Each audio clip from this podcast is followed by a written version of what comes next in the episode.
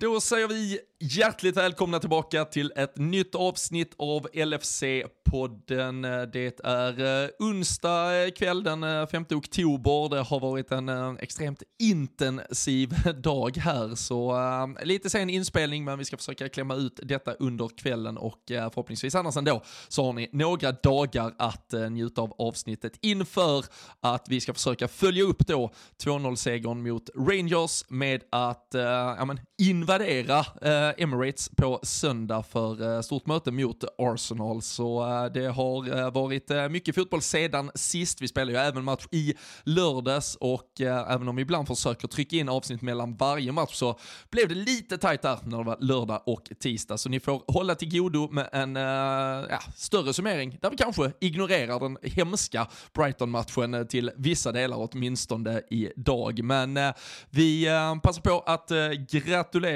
Olof Elander som eh, i alla fall visste att vi skulle slå Rangers med 2-0 och att det sista målet skulle falla i den 53 minuten. Han hade visserligen tippat Firmino som sista målskytt, men var ändå bäst på tippet. Och ehm, just på tal om eh, Firmino så är det ju en ny Firmino-tisha från Samdods som ligger i potten när vi nu eh, tar nytt sikte och håller oss undan den grusiga spåkulan från Borås och istället då tippar hur vi tror att allting ska sluta på söndag mot Arsenal. Eh, ny tävling är alltså uppe på patreon.com slash LFC-podden, så det är bara för er att surfa in där och eh, utmana Orakel-Danne i hur matchen slutar. Men eh, nu ska ni sätta er till rätta och så sparkar vi igång ett nytt avsnitt av LFC-podden.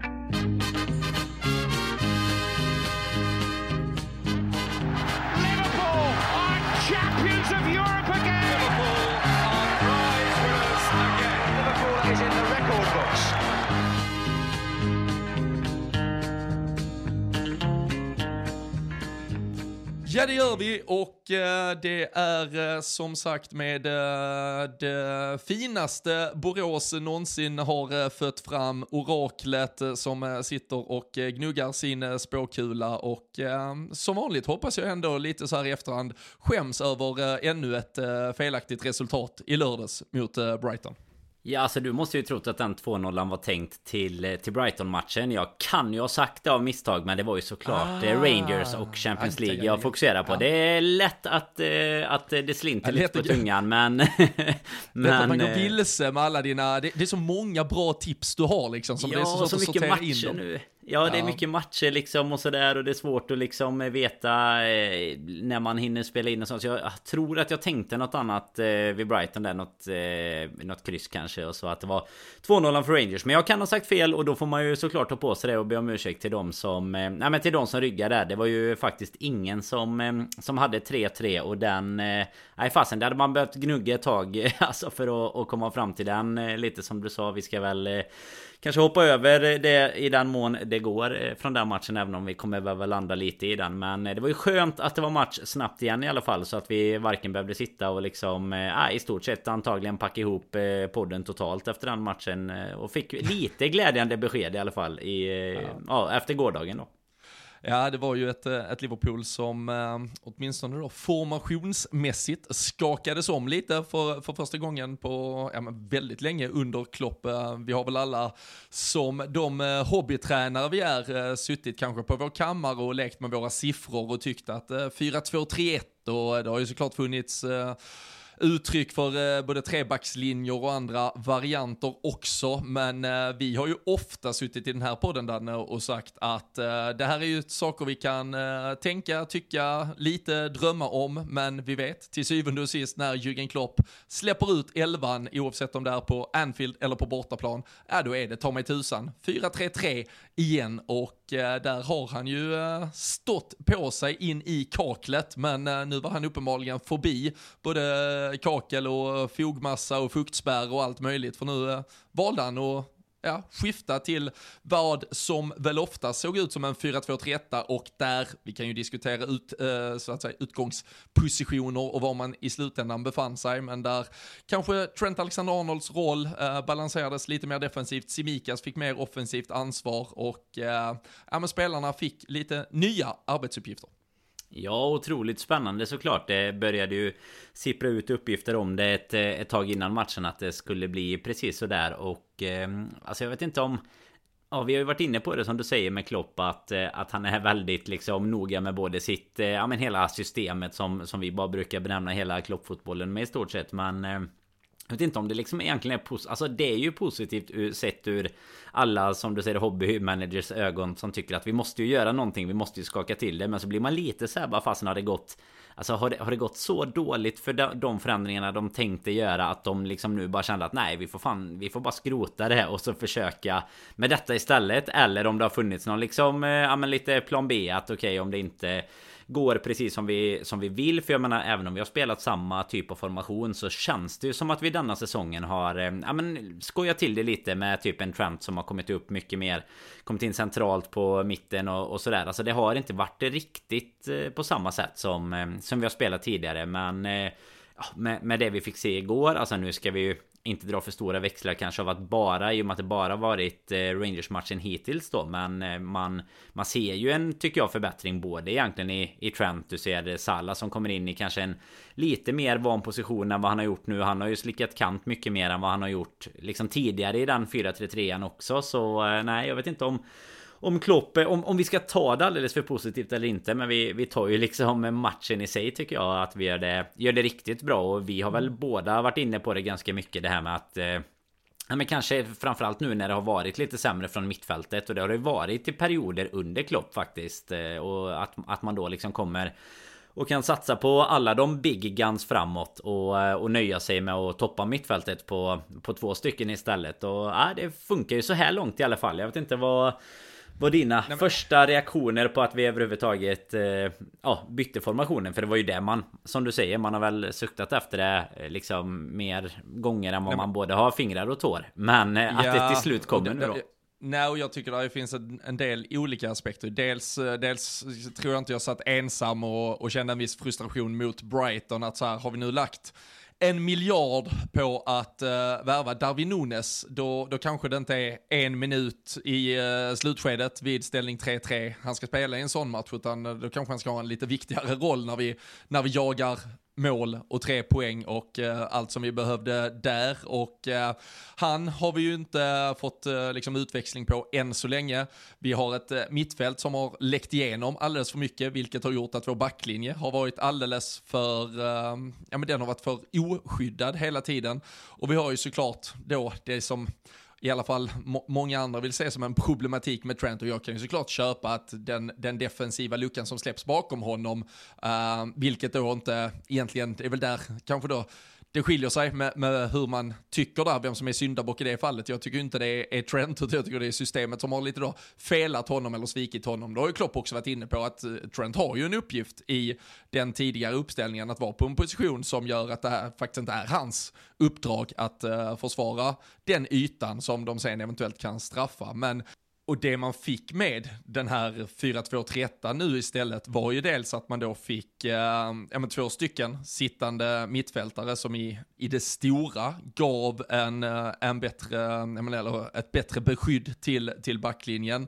Och att man fick eh, kanske tydligare arbetsuppgift på framförallt Jordan Henderson här att, att dubbla upp lite och ge Trent den, eh, ja, men den assistans eh, som, som han kan behöva, där han normalt sett flyger fram. Sen var det också då en mer återhållsam Trent, så än så länge är det ganska svårt att ge någon så här eh, fullständig bedömning på, på huruvida den där högerkanten kommer att vara bättre skyddad om man nu väljer att fortsätta på den här 4-2-3 och om man väljer att spela med, med Trent så pass passiv som han delvis var eh, i, i förhållande till hur han kan flyga fram längs kanten. Men sen framförallt då också dels att få in en offensiv kraft extra, dels att få en mycket mer tydlig roll för Darwin Nunes. Och eh, pratar vi hans insats igår så tycker jag ju att eh, jag är ju snarare i den båten som, som seglar iväg med, eh, ja men fylld med positiva känslor där eh, man känner att han ändå kommer till otroligt mycket lägen. Det är mm. klart det är frustrerande att han bränner de här tre, fyra, fem riktigt bra lägena han jobbar sig till, men det är i ytor exakt där jag vill ha min nummer nio bomber eh, frigjord och eh, det tycker jag han gör riktigt, riktigt bra. Sen, sen är det jättemycket i spelet, alltså där han ska vara en länkspelare eller där han ibland kommer lite för långt ut på kanten där man känner att den bekvämligheten finns där inte. Om det handlar om en, eh, man läste analyser av en ny typ av försäsong och träning och att han inte är liksom, ja, han är inte heller en, en Liverpool och Klopp-spelare fullt ut än, så det är klart att det finns delar där att um, för, för, förbättra. Men jag tycker i eh, det, det avgörande spelet i boxen, då förutom bara att få in bolljäveln, så tycker jag att han gör det riktigt bra. Och jag tycker också att ja, men både Jota, Diaz och, och Salah, eller alla tre där, kommer till, till jättebra lägen också. Och jag tycker ju defensivt så får vi lika mycket skydd av en sån som Jota som om du får av en om man säger på pappret då, en nummer åtta eh, mittfältare, en, eh, en Harvey Elliott eller någon annan. Så, så du, gör, eh, du gör ju plats till fler riktigt, riktigt bra fotbollsspelare och dessutom lyckades mm. du få ganska bra balans på det också. Sen ska man verkligen, alltså du, du nämnde det, men alltså asterixen för att det är Rangers, den är stor för det. Är ett riktigt jävla deppigt fotbollslag vi, vi mötte och uh, man, uh, man ska nog inte tro att det per automatik hade sett, om man säger ändå, lika bra ut mot uh, Premier League-motstånd, så det är ändå fortfarande nivåer som måste upp för att, eller framförallt så här, skapar lika många chanser eller hälften så många mot Arsenal och däremot bara sätter dit skiten, ja då, då, då är vi ju redan på rätt väg så att säga. Men det, det är ju fortfarande lite för lite sample size och mot lite för lite, eller lite för lite kvalitativt motstånd för att man än så länge ska dra någon slutsats. Men det var ju kul att se och jag tycker det, jag var bara positivt överraskad att Klopp faktiskt gör den här förändringen. Mm. För det har vi ju pratat om att hans främsta styrka, om man säger, en gång i tiden har ju varit både sin tro på spelidén och sin tro på sina spelare. Men nu har det ju faktiskt för första gången varit kanske lite diskussion kring både tron, övertron rent av på sina spelare och kanske också övertro på ett spelsystem. Man måste kanske um, ja, men förnya sig själva lite oftare. Ja men framförallt handlar det väl också om aspekten att du Alltså riskerar ju att bli lite sönderläst. Även om du har alltså extremt bra spelare så kanske du står och Alltså det står och väger med ett fåtal och att de verkligen presterar på På topp hela tiden. Och det gör det väl såklart i, i vilken Premier League-klubb som helst annars också. Men jag tycker du Alltså vi är ändå inne på ett spår där tycker jag med Rangers när man ändå Alltså man bara ska ska nämna så är det ju ändå liksom en En Ben Davis som eh, var ett spöke hos oss Det är en Ryan Kent som liksom kommer nerifrån och du, du har en liksom Lundström som var FPL-legend i och för sig Men i eh, Sheffield United liksom var han lite in and out och, och, eh, alltså... och, och Steven Davis som Olof Mellberg sitter på kommentatorshytt och säger men fan, han spelar jag ju med en gång i tiden. Alltså, och en McGregor som har stått där i typ 450 år antagligen. I alla fall sen ah. Rangers bildades. För jag fan aldrig kan, kan inte komma ihåg en match med Rangers utan eh, McGregor. Men han gör ju en, en bra match får man ju säga. Det är ju precis som du är inne på med...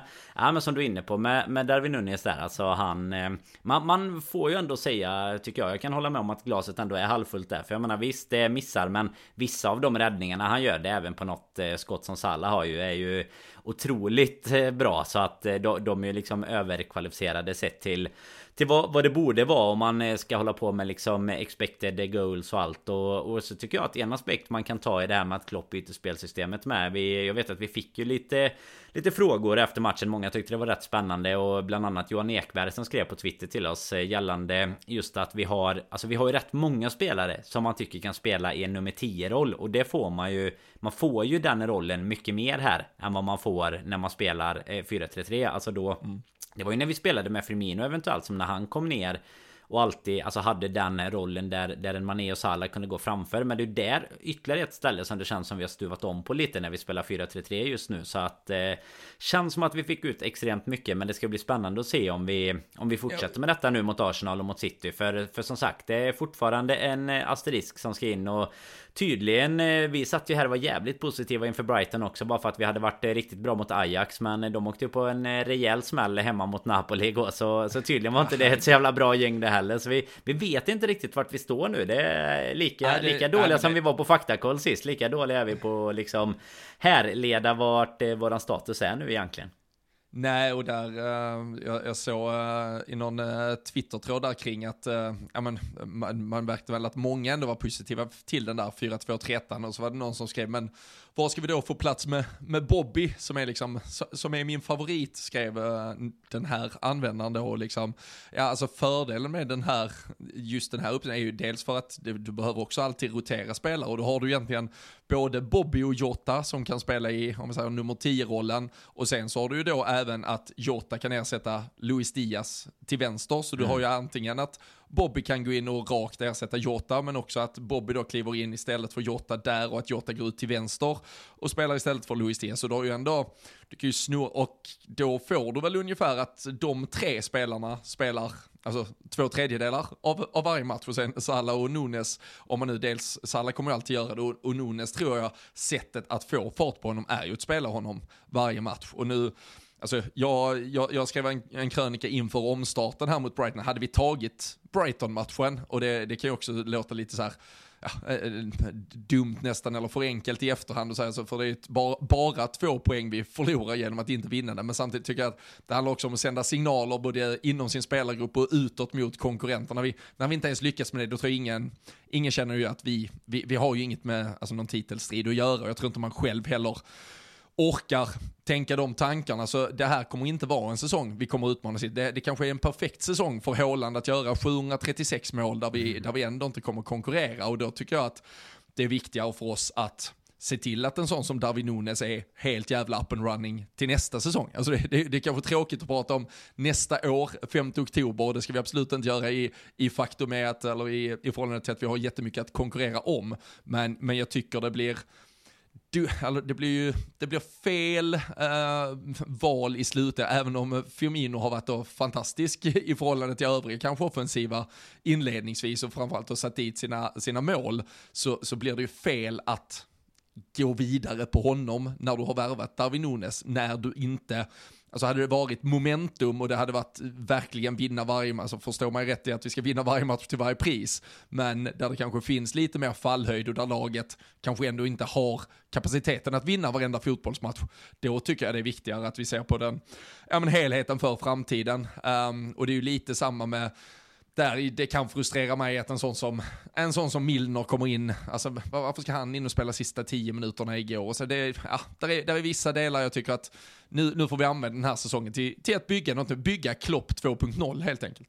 Mm, nej men du, jag tycker också att alltså när vi, vi snackar om eh, Nunes, det snackar vi väl om i senaste podden eller om det var podden innan det också. Alltså grejen är att det är ju inte ens, alltså, han har ju inte ens varit dålig när han har spelat. Alltså nu missar han ju många lägen i, i matchen igår. Men han kommer ju också till lägena. Jag menar problemet var ju att han var borta där efter avstängningen egentligen. För att Alltså du, du har ju en Salah dessutom som, eh, som poängmässigt inte har producerat alls lika mycket som vi är vana vid att se. Men tittar du på vad han, vad han liksom levererar och producerar och både vad han alltså bidrar med i kreativitet till andra och eh, vilka lägen han kommer till själv så, så tror jag ju säkert att eh, en del Alltså vi, vi kommer kunna skriva in en del mål på Darwin bara utifrån det egentligen. Så att jag tycker inte det finns någon anledning att spara för mycket på krutet med honom och sen vet vi att Klopp gillar att och kanske ta det lite lugnare med vissa spelare för att få in dem i, i spelet och sådär men lite som du är inne på ganska bra läge kanske att eh, ja, men göra det nu när, när det ändå har börjat som det har gjort men eh, dessutom då eh, utan att han har eh, Alltså han har ju inte gjort bort sig på något sätt. Det är inte så att han springer runt och typ sparkar hål i luften och, och inte... Eller, eller som om han om han inte hade varit på plats till de här lägena. Eller liksom han är helt out of position eller någonting. Så att...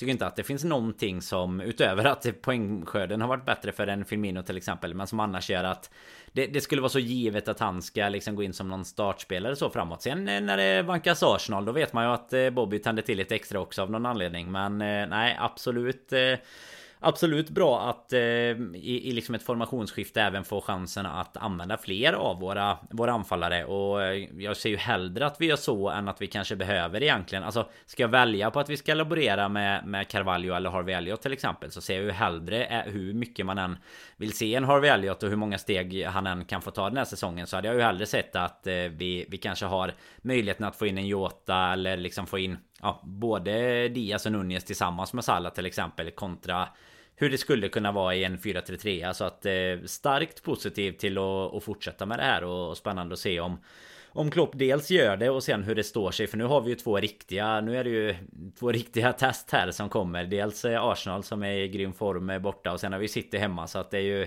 Nej det är ju rejäla matcher och, och våga göra det men det, det känns ju som att laget i sig Alltså vi, vi har ju inga problem med att ställa om till formationen Även om vi inte har spelat den mycket i matcher så, så märks det ju att spelarna är väl medvetna om vad vi ska göra och att eh, att den har funnits där och tränats på också och just det sista där gällande som du nämnde positioner och sånt och, och just Firmino så tycker jag att det finns kanske ingen egentligen bättre lämpad nummer 10 i det, alltså i det skedet han är av sin karriär just nu tycker jag i vårat lag.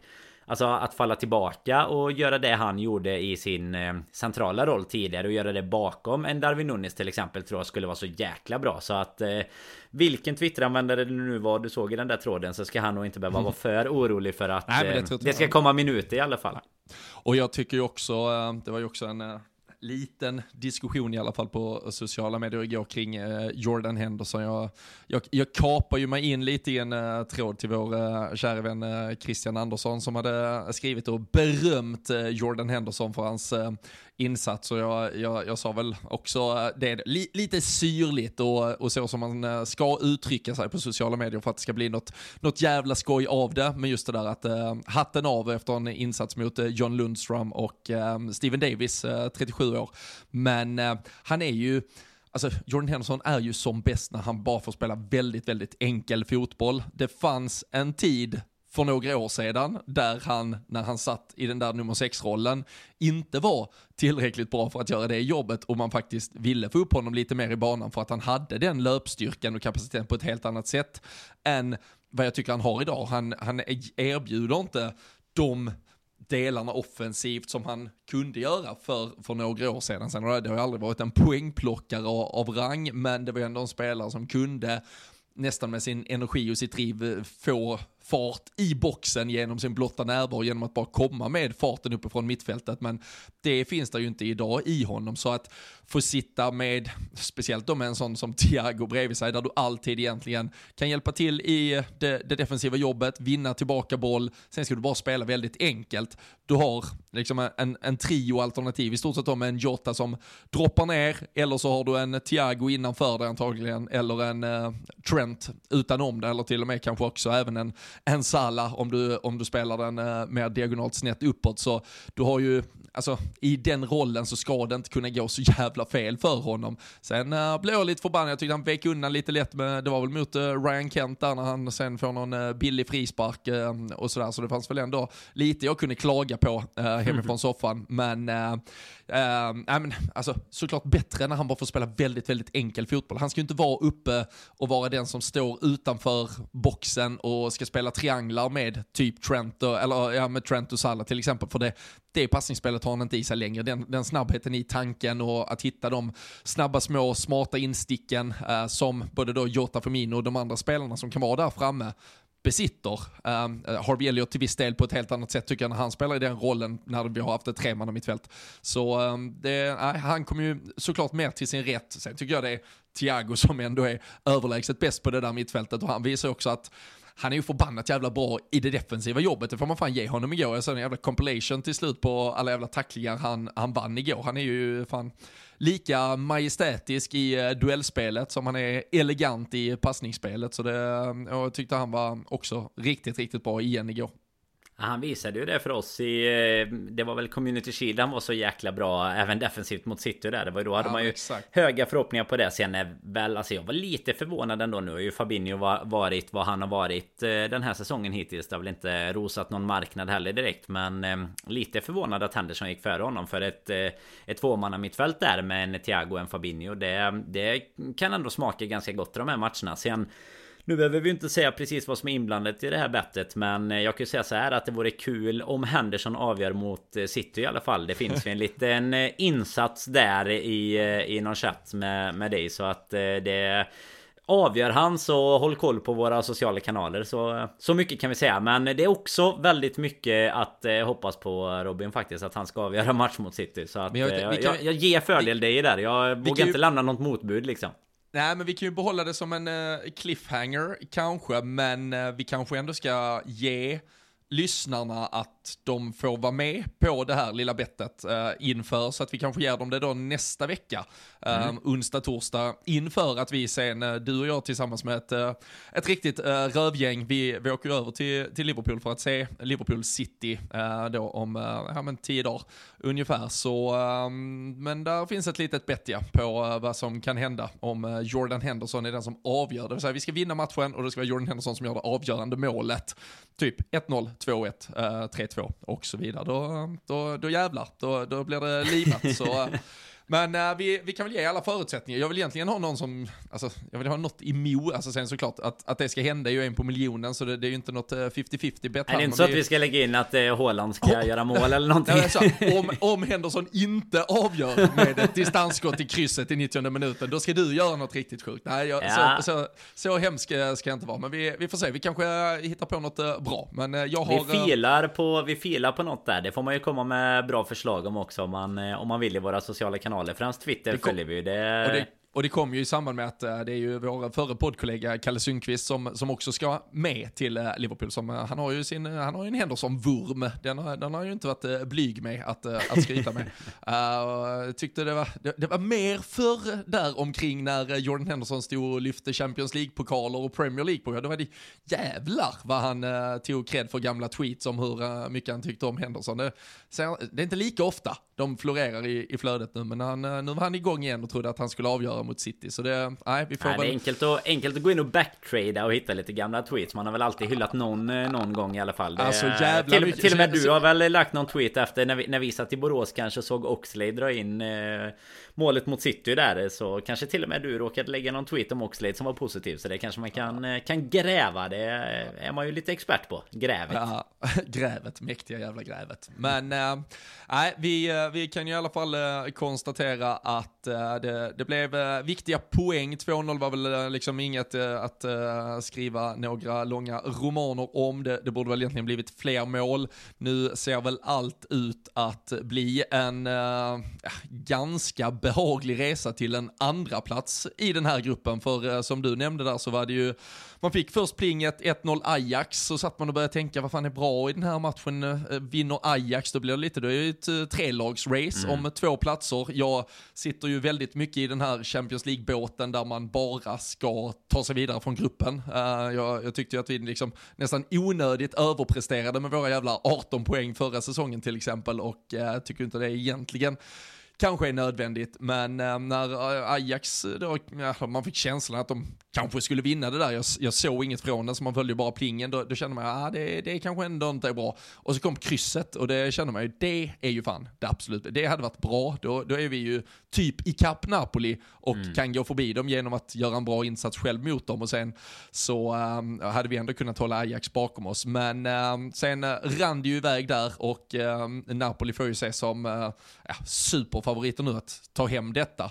Vi, äh, de har ju Ajax hemma i nästa och, och sen så avslutar de ju då borta mot oss och hemma mot Rangers för deras del medan uh, vi har, uh, ja, men efter den här första mot, uh, eller andra matchen mot Rangers som väntar så är det ju Ajax borta och Napoli hemma. Vi kan ju knappt, det är väl inbördes möte säger jag som vanligt utan att ha faktakollat som avgör i Uefa gruppspel. Mm. Så där, då ska vi alltså slå om vi skulle gå rent så ska vi ju dessutom då när vi besegrar Napoli, såvida de har gått rent så ska vi då vinna med mer än 4-1 också för att uh, ta oss förbi dem. Så vi får väl sikta in oss på andra platsen och att uh, Klubb Brygge, Danne, vinner sin grupp. Du ser väl hur fan mm. de bara flyger fram i B-gruppen, uh, nio pinnar och uh, de andra lagen där har bara tre var.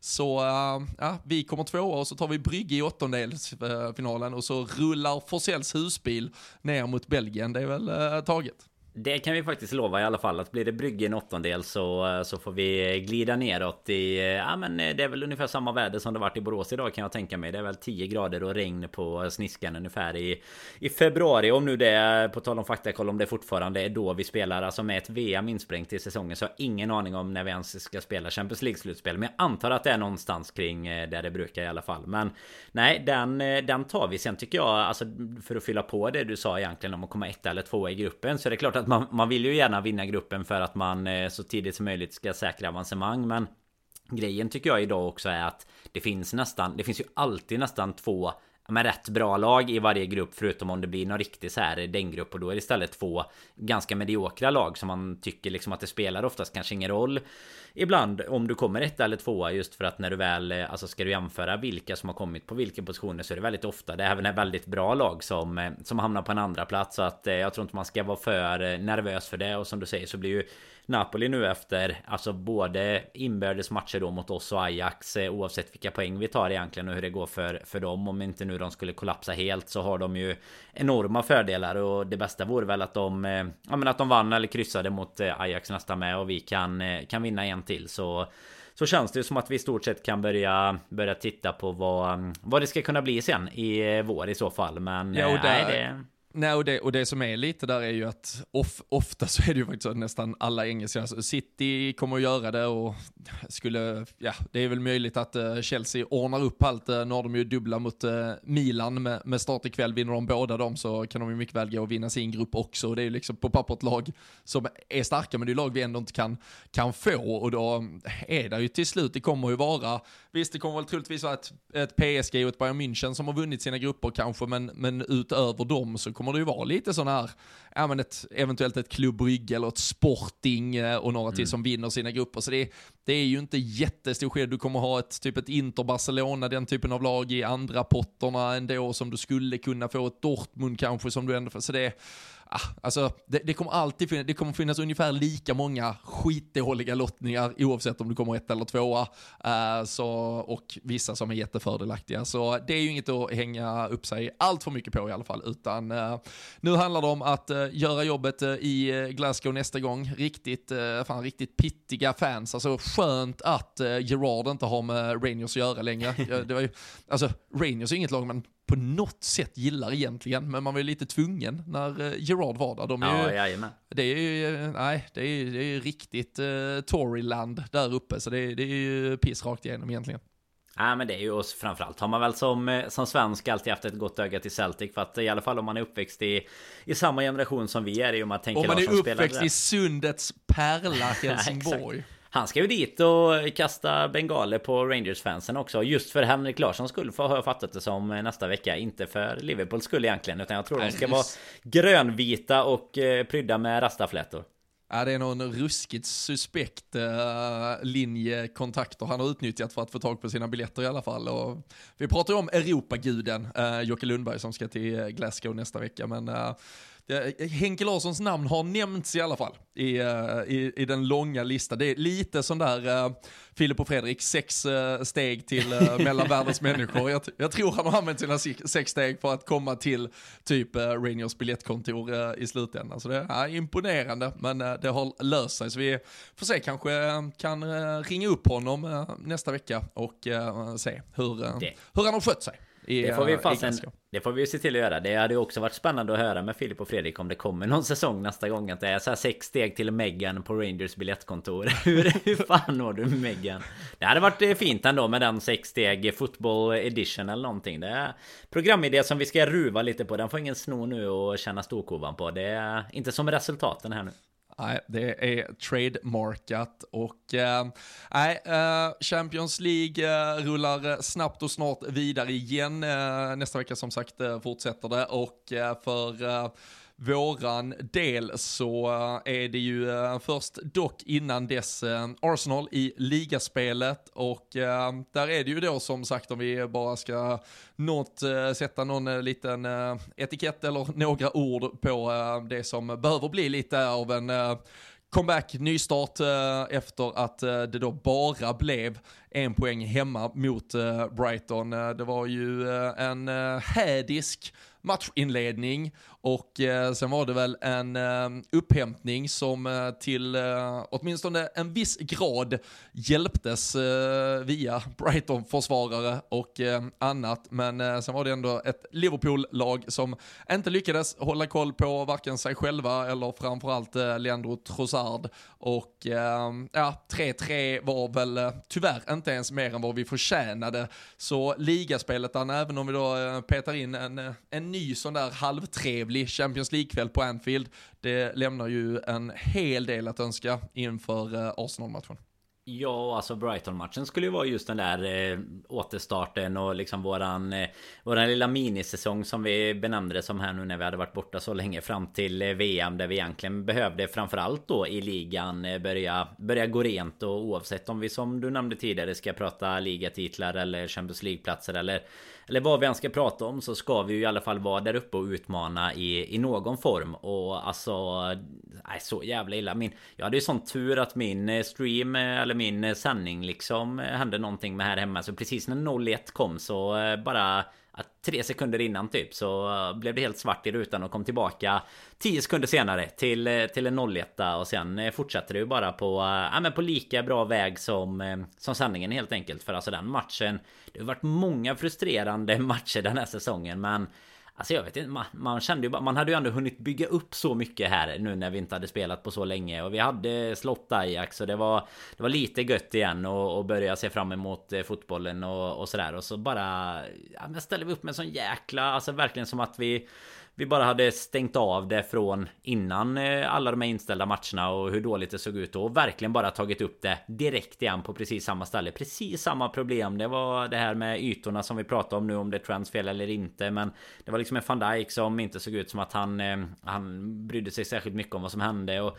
som du nämner då när vi när vi ändå lyckas vända också och man ändå känner så här okej okay, fan vi Nu har vi fan vänt. Vi har 3-2 liksom. Att vi ändå då släpper in Ett 3-3 mål och liksom vi har Ja, på tal om eh, klipp och sånt som du sa efter matcherna såg jag Det var väl du själv som eh, tror jag eh, la upp det också Alltså Allison gör ju typ 3-4 Alltså superräddningar i den här matchen dessutom. Så att Att säga att det var inte mer än vad vi förtjänar Det är ju nästan på att säga att vi hade förtjänat. Att åka ifrån Anfield med noll poäng eh, den, den eftermiddagen. Men eh, nej, ett poäng kanske blev okej okay till slut. Men det var, eh, nej, det ser inte bättre ut nu. Alltså vi, vi kanske får lite självförtroende av den här segern mot Rangers. Men som du, som du nämnde innan med så är ju Arsenal en helt annan liksom storlek att gå upp emot. Och lite, alltså jag, fan jag klippte ju dem lite och var ju lite så här kaxig med att de inte skulle vara där uppe. Och säger inte mycket mer egentligen efter Spurs-matchen. Men nu när vi ska möta dem så Nej, det är jobbigt att de har fått en så bra start. De eh, toppar ju ändå tabellen och vi,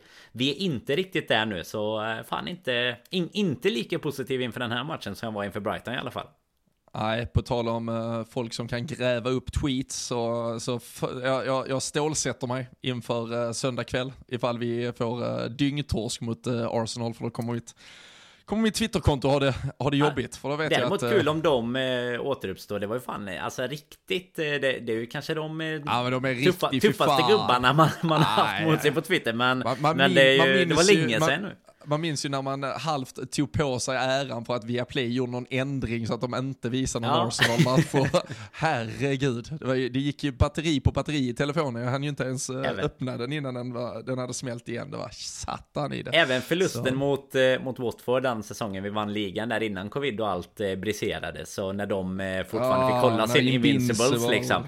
Alltså det, det, kom, det kom så 25 pers som jag inte hade, alltså aldrig haft någon interaktion med dem eller någonting. Och så bara, bara började skriva skriva så här alltså, Lite som du sa innan, så här syrliga saker eh, så, Som man ju ska på sociala medier Men man bara satt med sitt flöde vad, vad, vad fan är det som händer? Vad, vad har vi gjort? Vart ligger Arsenal ens i tabellen? Jag minns inte var de låg Men det var i alla fall inte precis bakom oss om man säger så Så att eh, Nej, luft, eh, luft under vingarna Det gillar man inte att ge dem Utan där, där behöver vi, vi, vi behöver liksom segern för mer än bara för lagets bästa här känns det som. Ja, det får, det får vårt välmående och eh, dess skull. Men, eh, nej, men för att bara eh, alltså, stega igen där mot, mot Brighton, jag tycker ju också det är, alltså nu visst, det, det är första matchen tillbaka efter ett landslagsuppehåll, samtidigt en, en chans för många att egentligen återhämta sig. Det var, det var inte jättemånga spelare som eh, drillades till, till döds under de här eh, landslagsveckorna som var, utan det var ju ganska många spelare som hade det ganska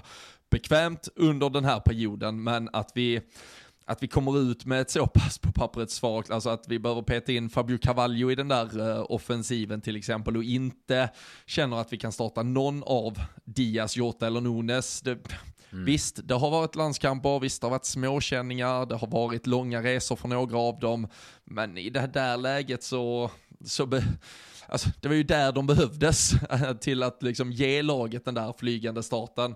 Och eh, jag tycker ju byten rakt igenom, alltså efter en efter en timmes tid nu, visst, nu gör vi 3-2 efter det bytet, så, så det var inte så att det, det, liksom, det, det, är inte det bytet som gör att vi förfaller på något sätt, men att varför ska James Milner in och spela vänsterback sista halvtimmen när vi har Kostas Simikas på plan?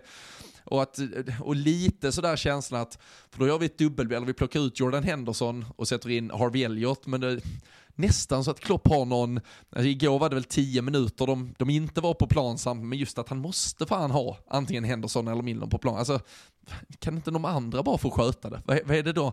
Alltså visst, jag fattar att de är eh, ledare i både, både laget och eh, liksom någon form av länk från tränaren ut, men vi har ju klarat oss att spela jättemånga bra fotbollsmatcher utan dem.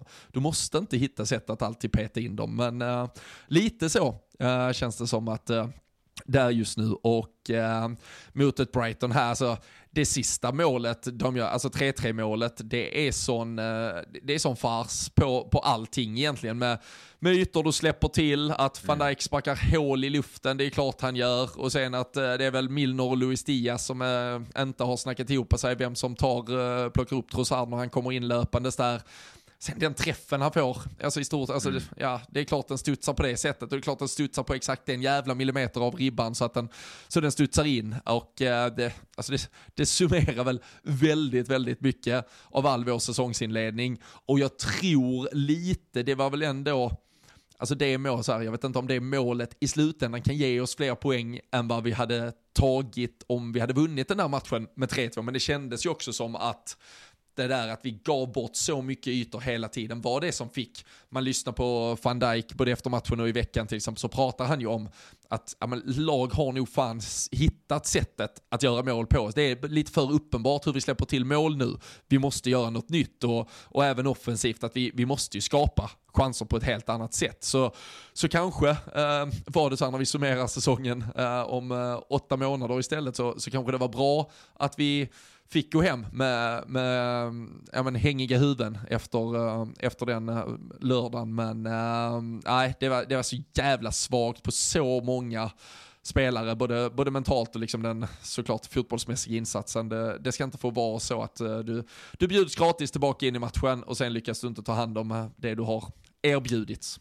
Nej, och man tycker ju oavsett, alltså lite som du är inne på, som, eller som van Dijk pratade om där då, att vi, att, att folk liksom har läst lite hur hur man borde skapa mot oss. Det, det, har vi märkt att det till viss del är så nu även om mycket mål liksom har kommit på olika sätt. Tar vi en fulla match i början där då är det ju mer att eh, de eh, ja, sätter Mitrovic på en trend som liksom gör att det, det är ju samma sak där. Det kan inte vara Trents belastning liksom för att det är ju det, det är ju en ångvält som du ska ha över dig i stort sett då när, när han satte sitt mål där. Men tittar du på de ytorna vi har släppt till så, så känns det ju som att du kan ju inte heller bara Alltså mot ett så bra lag som vi ändå är så kan du inte heller bara ha gjort någon sorts liten hemläxa på att okej okay, det är precis de här ytorna vi ska som vi ska gå på när vi, när vi liksom tidigare säsonger har, eh, har spikat igen totalt. Jag menar det kan ju inte bara ha hänt någonting utan det, det måste ju också bero på att spelarna inte kommer upp i, i sina nivåer och, och liksom Nej, att det... men det är ju det, det, det är ju det, mm. det alltså ytan Alltså det är nog samma yta vi har gett, man säger, gett bort eller öppnat upp eller blottat alltid annars. Men när du har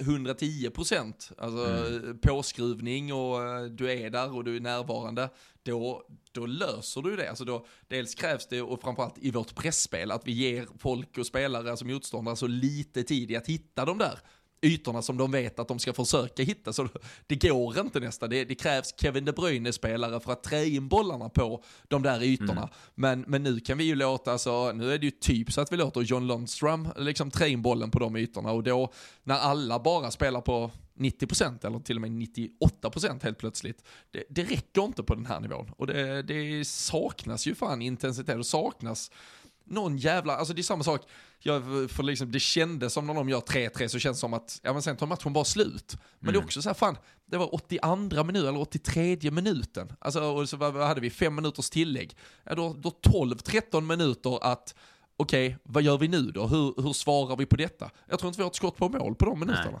Ja, det är, Nej, alltså, det... Och det måste du väl ha, alltså, med, alltså så här, jo, för vi ska fan kunna jämföra oss med Manchester City, för för ett halvår sedan så spelar vi ut Manchester City på uh, Wembley i FA Cup semifinalen. Alltså vi, vi ska kunna jämföra, men alltså, jag vet alltså de hade, vad hade de haft? Hade de haft, de hade skapat kanske åtta hörnor och haft sju liksom, utmaningar på deras målvakt, om de hade behövt jaga i 13 minuter. Alltså, vad, vi såg dem mot uh, Newcastle när de hamnade i underläge, mot Palace när de hamnade, alltså då, de bara går rätt upp och bombar mm. lagen. Men alltså vi, vi står bara paralyserade och tittar. Ja och det tycker inte jag att du kan lägga in någon egentligen Alltså nu mot, eh, mot Pallas kanske man kan eh, Nu spelade vi samtidigt som man såg inte den Men eh, en, en håland effekt där liksom Att det är han som gör målen Men detta Detta har varit en ganska stor skillnad på City Eller på Pep och Klopp innan också tycker jag Att vi har ju Vi har ju ganska ofta saknat Det här sista Alltså verkligen pepprandet när vi har behövt det När ja, men när det har gått lite tyngre, vi lite mer som du säger, lite mer kanske hängande huvuden. Sen går du tillbaka typ två säsonger då när vi pratade om eh, mentality monsters och allt. Det var ju precis det vi hade då liksom. Det var då vi, vi hela tiden kunde ta oss tillbaka från de lägena. Men Alltså nu, nu tappar ju City poäng mot till exempel Newcastle Men alltså det de gör där, där de ligger under med 3-1 och sen bara på Ja men typ fem minuter eller någonting bara, Alltså det känns som att de bara kopplar på Alltså de bara skruvar på en växel och bara säger okej okay, men nu vi får i alla fall se till att det blir eh, Vi kommer upp i ungefär samma nivå så det bara Alltså som du säger, de bara skapar, skapar, skapar och då... Och det... Då kommer ju målen. Alltså så, så enkelt är det ju. Det, ja, och det, det kommer där, ju alltid och det, att hjälpa. Och, och, det är ju där jag tycker det blir så jävla motsägelsefullt då med det så, och så här, jag kanske feltolkar det fullständigt, men jag, jag, känner att Klopp någonstans har en, en vilja av att ha typ en spelare, så, och det här är egentligen ingen spelarkritik på det sättet, utan men det känns som man vill ha en spelare som typ Milner, Henderson, de som om du bara tittar på schablonbilden av dem ska vara de här ledarna på plan. Men jag tycker det, det, det som saknas många gånger den här säsongen, det är ju en ledare. Och, jag, och jag, det behöver inte vara en spelare som är 37 år gammal och spelar 300 matcher för klubben. Bara någon. Det kan, så vara, alltså det kan vara Joel Matip, det kan vara Semika, mm. någon som bara skriker åt varenda jävel. Alltså vad fan håller vi på med? Ska vi tappa den här jävla, vi har vänt matchen och nu fuckar vi upp allting. Alltså ge, hit med bolljäveln så vi kör. Alltså, men den geisten har jag bara så, alltså, jag, och så tycker jag det, det blir lite, det är såklart eh, höna ägget diskussion där, men jag tycker Anfield lever ju inte upp till, till någonting heller, så vi får inte det gratis att man får fansen i ryggen riktigt, utan jag tycker det är lite, det är lite mjäkigt från, från allt och alla just nu. Så det, nej, det krävs fan ett eh, resultat borta visserligen då mot eh, Arsenal, men att vi tar det med oss in mot, mot City sen till hemmamatchen och att vi, vi får en sån där ja, speciell kväll, eller eftermiddag åtminstone, eh, och eh, få fart på det här, både, både laget och läktarna tillsammans. För just nu känns det som att alla är, alla är lite trötta på allting. Eh, är lite för avslaget för, för min smak i alla fall. Ja och det är ju rätt sjukt egentligen. Alltså jag fattar att det är efter 0-2 ganska tidigt mot, mot Brighton hemma. Då förstår jag att folk sitter och muttrar och undrar liksom hellre kolla vem fan vi kan eh, köpa för att ersätta allihopa till eh, nästa säsong. Men eh, när det blir liksom 2-2 eller 3-2, alltså då ska det ju mullra, då ska det ju skaka inne på Anfield liksom. Oavsett om det är Brighton på andra sidan eller liksom, alltså det, det, det ska ju märkas om man säger så. Det är ju klart att det har ju varit en stor styrka som vi alltid haft med oss under, under egentligen alla liksom Liverpools år. Att vi, vi har ju haft den tolfte spelaren och det är ju som du säger, alltså Ställer inte upp varje, varje vecka så är det absolut inte. Det är inte bästa stämningen varje gång man är där. Men i en sån match där det blir en vändning eller det händer något speciellt och så. Ja men då brukar det fan ändå vara uppe på, på en bra nivå liksom. Så att eh, precis som du säger så, så krävs det att det kommer därifrån också. För då tror också, alltså det är också någonting som såklart är psykologiskt för spelarna. Att liksom du har, du har fansen med dig och du vill framåt. Jag menar hade du har du haft det kanske, alltså bara jämföra om du har ett eh, liksom ett, ett muttrande efter 3-3 eller att du istället har ett bara ett eh, jävla roar hela tiden för att du ska framåt. Ja men då kommer du ju försöka antagligen att ta lite extra risker, skapa lite mer och göra det även för för fansen sen. Eh, ja, vad fan, vi får la, vi, vi ska ju snart dit så vi får väl eh, skrika oss eh, hesa. Det brukar vi, vi styra upp kunna lösa. skiten helt ja, enkelt. Vad fan gör vi när det står 0-4 i baken efter 20 minuter bara? Vi, vi får, då får vi känna hur det var med 0-2 mot Brighton. Nej, ja, så, nej. så, så illa ska det inte vara. Nu tar vi Arsenal, Arsenal först i alla fall. Vad fan, vad ja. tror vi? Vad har du för känsla? Alltså jag sa ju innan att jag hade lite lite halvdålig. Men jag menar med deras start och sådär. Vad har du för spontan första känsla här? Vad är det? Fyra dagar kvar till, eh, till match? Nej, ja alltså känslan. Nu, nu ska du säga, alltså jag har ju alltid eller alltid, men även de senaste åren där vi, vi har ju faktiskt haft det väldigt resultatmässigt lätt för, för Arsenal mm. och på samma sätt som ett, ett United delvis. Alltså det är ju fortfarande ändå lag som jag alltid inför match, då, då försvinner lite tabellägen och, och även när jag på samma sätt som jag då har varit lite, li, lite mer rädd för dem än vad man kanske har, har varit för lag som West Ham eller något annat i, i, den, uh, i det facket om de ursäktar så, um, så är det ju lag som även då när, när de har legat längre, klart längre ner än oss i tabellen som man har haft respekt och jag tror Arsenal är, alltså, har ju all respekt för oss. De, de ser ju absolut inte Liverpool som ett mittenlag i Premier League helt plötsligt och har fått någon hybris och svävar iväg. Så de, samtidigt så kommer de väl ta lite, eh, liksom uh, använda momentumet, fått derbysegern med sig in i, i detta uh, på samma sätt som vi då inte fick någon kickstart efter landslagsuppehållet så fick ju de istället, där man kanske hade känt som supporter att fan innan det där uppehållet, det var ju bara 6-7 matcher vi hann spela. Vi, vi dansar kanske en sommar och, och flög lite för högt här som en, som en humla som inte ska vara där uppe egentligen, men att då sätta ner foten och, och ta den där derbysegern så, så tror jag att alla fick en, en jävla swoosh in i det här och tro på detta och sen Sen har de ju inte heller uh, särskilt uh, mycket att uh, tänka på i veckorna förutom att eh, gå, gå all out för att fokusera på Premier League-matcherna som kommer. Det, det är där deras fokus ligger och att då få förbereda sig på den här Liverpool-matchen i, i lugn och ro och såklart känna att alltså, alltså, för, förlora mot oss har de någonstans gjort förr. Det är inte hela världen för dem om de gör det. Kryss skulle de nog säga som ett bra resultat, men med allt att vinna och veta att de faktiskt cementerar Liverpool ganska långt ner i tabellen om de vinner den också. Så eh, äh, ja, det, som, det som är mitt eh, hopp lite här, det är ju att de har för mycket hybris uh, istället. Man, uh, man ser ju fans prata om hur, vilka shower Martinelli har haft mot Trent förr och så. Jag vet att han fortfarande aldrig gjort mål mot oss. Uh, kanske man får äta upp nu, men, eller i alla fall inte i Premier League-sammanhang. Jag vet inte. Han kanske var inblandad i den där jävla 5-5 Carabao Cup-matchen, men sånt fakta kollar vi ju som sagt inte den, men uh, nej, nej. nej, jag fan, ja, lite, lite rädd, men det, det samtidigt, alltså drömscenariot är att de tror att de är ett riktigt, riktigt bra fotbollslag ja, och kliver på oss. Uh, och uh, då, då tror jag vi straffar dem rejält. Jag tror att det är det bästa som kan hända oss just nu egentligen med både Alltså jag, jag tror att City är lite för smarta för det när vi kommer möta dem sen Men alltså Arsenal och Tottenham och lite sådana Alltså jag tror att ibland eh, vissa lag kan eh, känna att nu, nu ska vi liksom slå in den eh, sista spiken i, i den här dåliga formen som vi har kontra deras bra form och sådär. Och Arsenal har ju faktiskt gjort det förr mot oss. Där jag upplever att de har ja, men vågat gå ganska högt och att det har straffat sig ganska snabbt också. Och precis som du säger så har vi ju, alltså det är väl egentligen vi har ju någon förlust. Vi, vi förlorar väl mot dem där när det redan är klart va? I... Samma säsong, Watford-säsongen. Ja, ja men exakt. Och då sen när det redan är, är klart egentligen. Sen är det väl, alltså jag tror att det är bak till så här 15-16 där någonting innan vi egentligen förlorade mot dem. Så precis som du var inne på det, vi har ju igen, alltså vi, vi har riktigt stor fördel mot, eh, mot dem. Så, ja, det, det var i och för sig någon eh, straffförlust där också. Men om man tänker ligamässigt då. Men Däremot så, så känner jag precis likadant. Alltså Arsenal är alltid en sån match borta. Alltså det, det gör man väl med alla de här lite större lagen egentligen. Men sen, sen kan jag tycka att det är lite jobbigt att de eh, har gått så pass bra att de eh, nu, nu får de ju med sig. Alltså de gör ju en en habil insats får ju en eh, utvisning med sig om man säger så. Så det blir ju eh, Röal blir utvisad på ja, något som händer ganska mycket varje match också. Så att de, de får ju segla in ganska skönt i eh, segern mot Spurs. Och sen, sen tror jag inte man ska underskatta det som, eh, som du var inne på lite kort där heller. Det här att du, du egentligen bara har det här att koncentrera dig på. Jag menar, det, nu, du vill ju såklart vara med och spela Champions League och allt vad, vad det innebär. Men eh, det är klart att de gångerna du inte, de gångerna du inte gör det så ehm, klart att du har bättre förutsättningar för att, att gå riktigt bra i, i ligan. Och det som varit lite speciellt med Arsenal den här säsongen har ju varit att de fick ju 7-8 första matcherna. Nu är det såklart någon match som, eh, som sköts upp även för dem där. Men alltså de, ehm, de fick ju ett spelschema som verkligen var en gudagåva. Och det gör ju ganska mycket med om du kan Ja men om du kan gå i stort sett rent eh, Tack vare såklart att du har lite bättre motstånd på pappret. Men jag menar gör du det då och sköter ditt jobb så Så är det klart att du har med dig det även i de stora matcherna sen När du känner att du ändå när du ändå har kommit igång med lite målskytte Då är det en Jesus till exempel som, eh, som har kommit igång lite som ny eh, striker hos dem och sådär. Så nej fasen det...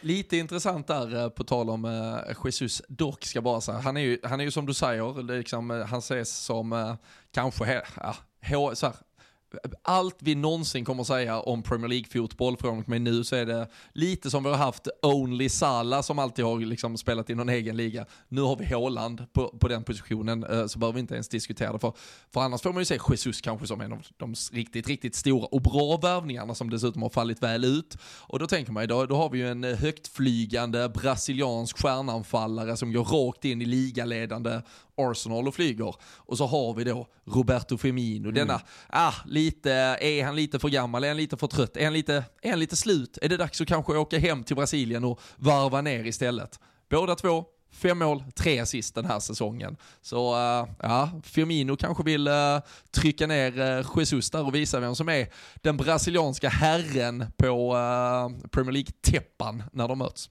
Ja men där har ju framförallt alltså när man, när man tittar på det ur eh, sådana perspektiv så är det såklart att våran eh, 9-0 gör mycket där men det är ju Alltså du, du du får ju det mycket på våra spelare den här säsongen så har du fått mycket mer liksom eh, Alltså om du, om du tittar på insatserna inte bara på vad de har gjort i, i poäng sett så Har du haft specifika matcher där vissa av spelarna har eh, liksom varit riktigt riktigt bra på sin kanske lite Ja men på sin toppnivå egentligen. Det går ju snacka om Trump där också men där du istället har haft vissa bottnar då där du, där du jämför då med ett Arsenal eller många av andra spelare utom Håland egentligen så, eh, så är de ju mer, ja men det görs ett mål här, det görs ett mål där och sådär. Så att eh, absolut alltså tittar du på statistiken i sig och skytteligan så, ehm, så ska vi ju eh, ha Bobby i eh, lika god vigör. Alltså han har ju, ja, ja. Han har ju, nu vet jag inte exakt hur många mål han kan ha gjort på Emirates och mot Arsenal men eh, det, det är... Det är några alltså, stycken. Såklart både han och Jota. Ja, både, ja, både han och Jota, så frågan är ju, ska man då trycka ut Jota till vänster och ha Firmino som, som tia bakom Nunes,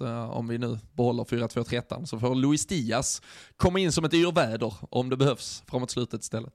Ja, alltså man hör ju att det i alla fall eh, finns alternativ att bidra med. Det hade ju inte varit alls fel. Eller att du hade haft, ja, det beror ju på. Det är ju i och för sig om eh, man vill ju gärna se en Firmino starta tycker jag i, i mot Arsenal. För annars hade det väl varit att eh, haft Jota bakom där och så haft Diaz på, på vänsterkanten. Men nej, vi får se vad Klopp eh, väljer. Hade du ja, valt Diaz ja. på, på bänken? Uh, nej, jag hade valt, uh, jag hade nog faktiskt uh, valt exakt samma startelva som, som igår. Mm. även om det betyder att Jordan Henderson. Jag, jag tycker Fabinho också har varit riktigt dålig den här ja, säsongen. Och Klopp, jag, jag la inte märke till det under matchen där mot Brighton, men Klopp ska ju ha stått och, och skrikit ett bra tag på Fabinho kring eh, var han eh, befann sig på planen och hur han positionerade sig innan han fattade vad han skulle eh, göra. Så jag, jag tror också att Klopps eh, topplock har eh, gått. Det vet jag, vet jag som bara ibland står och skriker på mina åttaåringar att de ska ta sig till positioner och sen eh, ber man dem till slut, nej nu får det bli ett byte istället, det här funkar ju inte. Ni fattar ju ingenting. Nej men så, också så jäkla konstigt för då, där spelade vi ändå i hans vanliga, alltså där spelade han ju i sin vanliga position och på precis samma sätt ja, men han har varit, han har varit så jävla dåligt, ja, han har varit så jävla dåligt positionerad och kommit fel in i pressspel och allting känns ja, Egentligen hela, hela säsongen är det ju så att jag vet fasen vad som har hänt riktigt men annars ja. är det ju på förhand är det ju han och Thiago jämte varandra på ett mittfält hade man ju alltså det är ju riktigt eh, våta drömmar om, eh, om det mittfältet egentligen. Men eh, nej, behöver ju ha dem på rätt eller nivå så i kanske, så fall såklart. Eller så kanske Artur kommer in från läktaren dit han nu var förpassad. Så mycket ja. gav all den där extra träningen som det kablades ut från alla våra ja, lokalvurmande journalister som går ärende åt allt och alla. Att, fan vad han hade, han hade ju anställt större apparat än vad Svenska fotbollsförbundet har i stort sett för att hålla igång sin sin äh, lilla extra försäsongsträning där. Men äh, jag vet inte, jag har inte jag, man har inte kommit ut, jag vet inte om han bara var petad. Den, äh, går, går redan Milner och Bacetich och, och hela gänget före så undrar man ju varför i helvete man ens plockar in honom på ett ja, lån. Davis, men...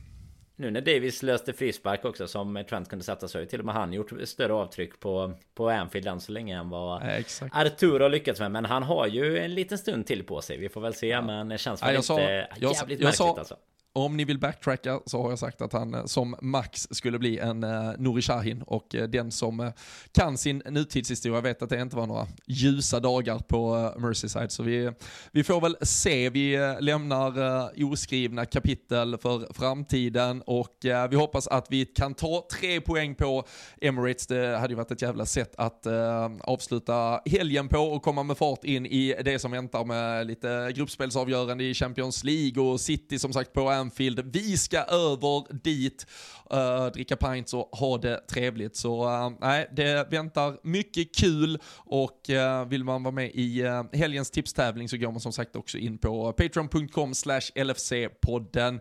Vi gör i vanlig ordning avsnittet här tillsammans med LFC.se så behöver ni hålla er uppdaterade på någonting som händer här inför matchen, då vet ni att det är dit ni beger er. Men uh, nu tackar vi som vanligt för att ni har lyssnat och så hörs vi och ses vi snart igen.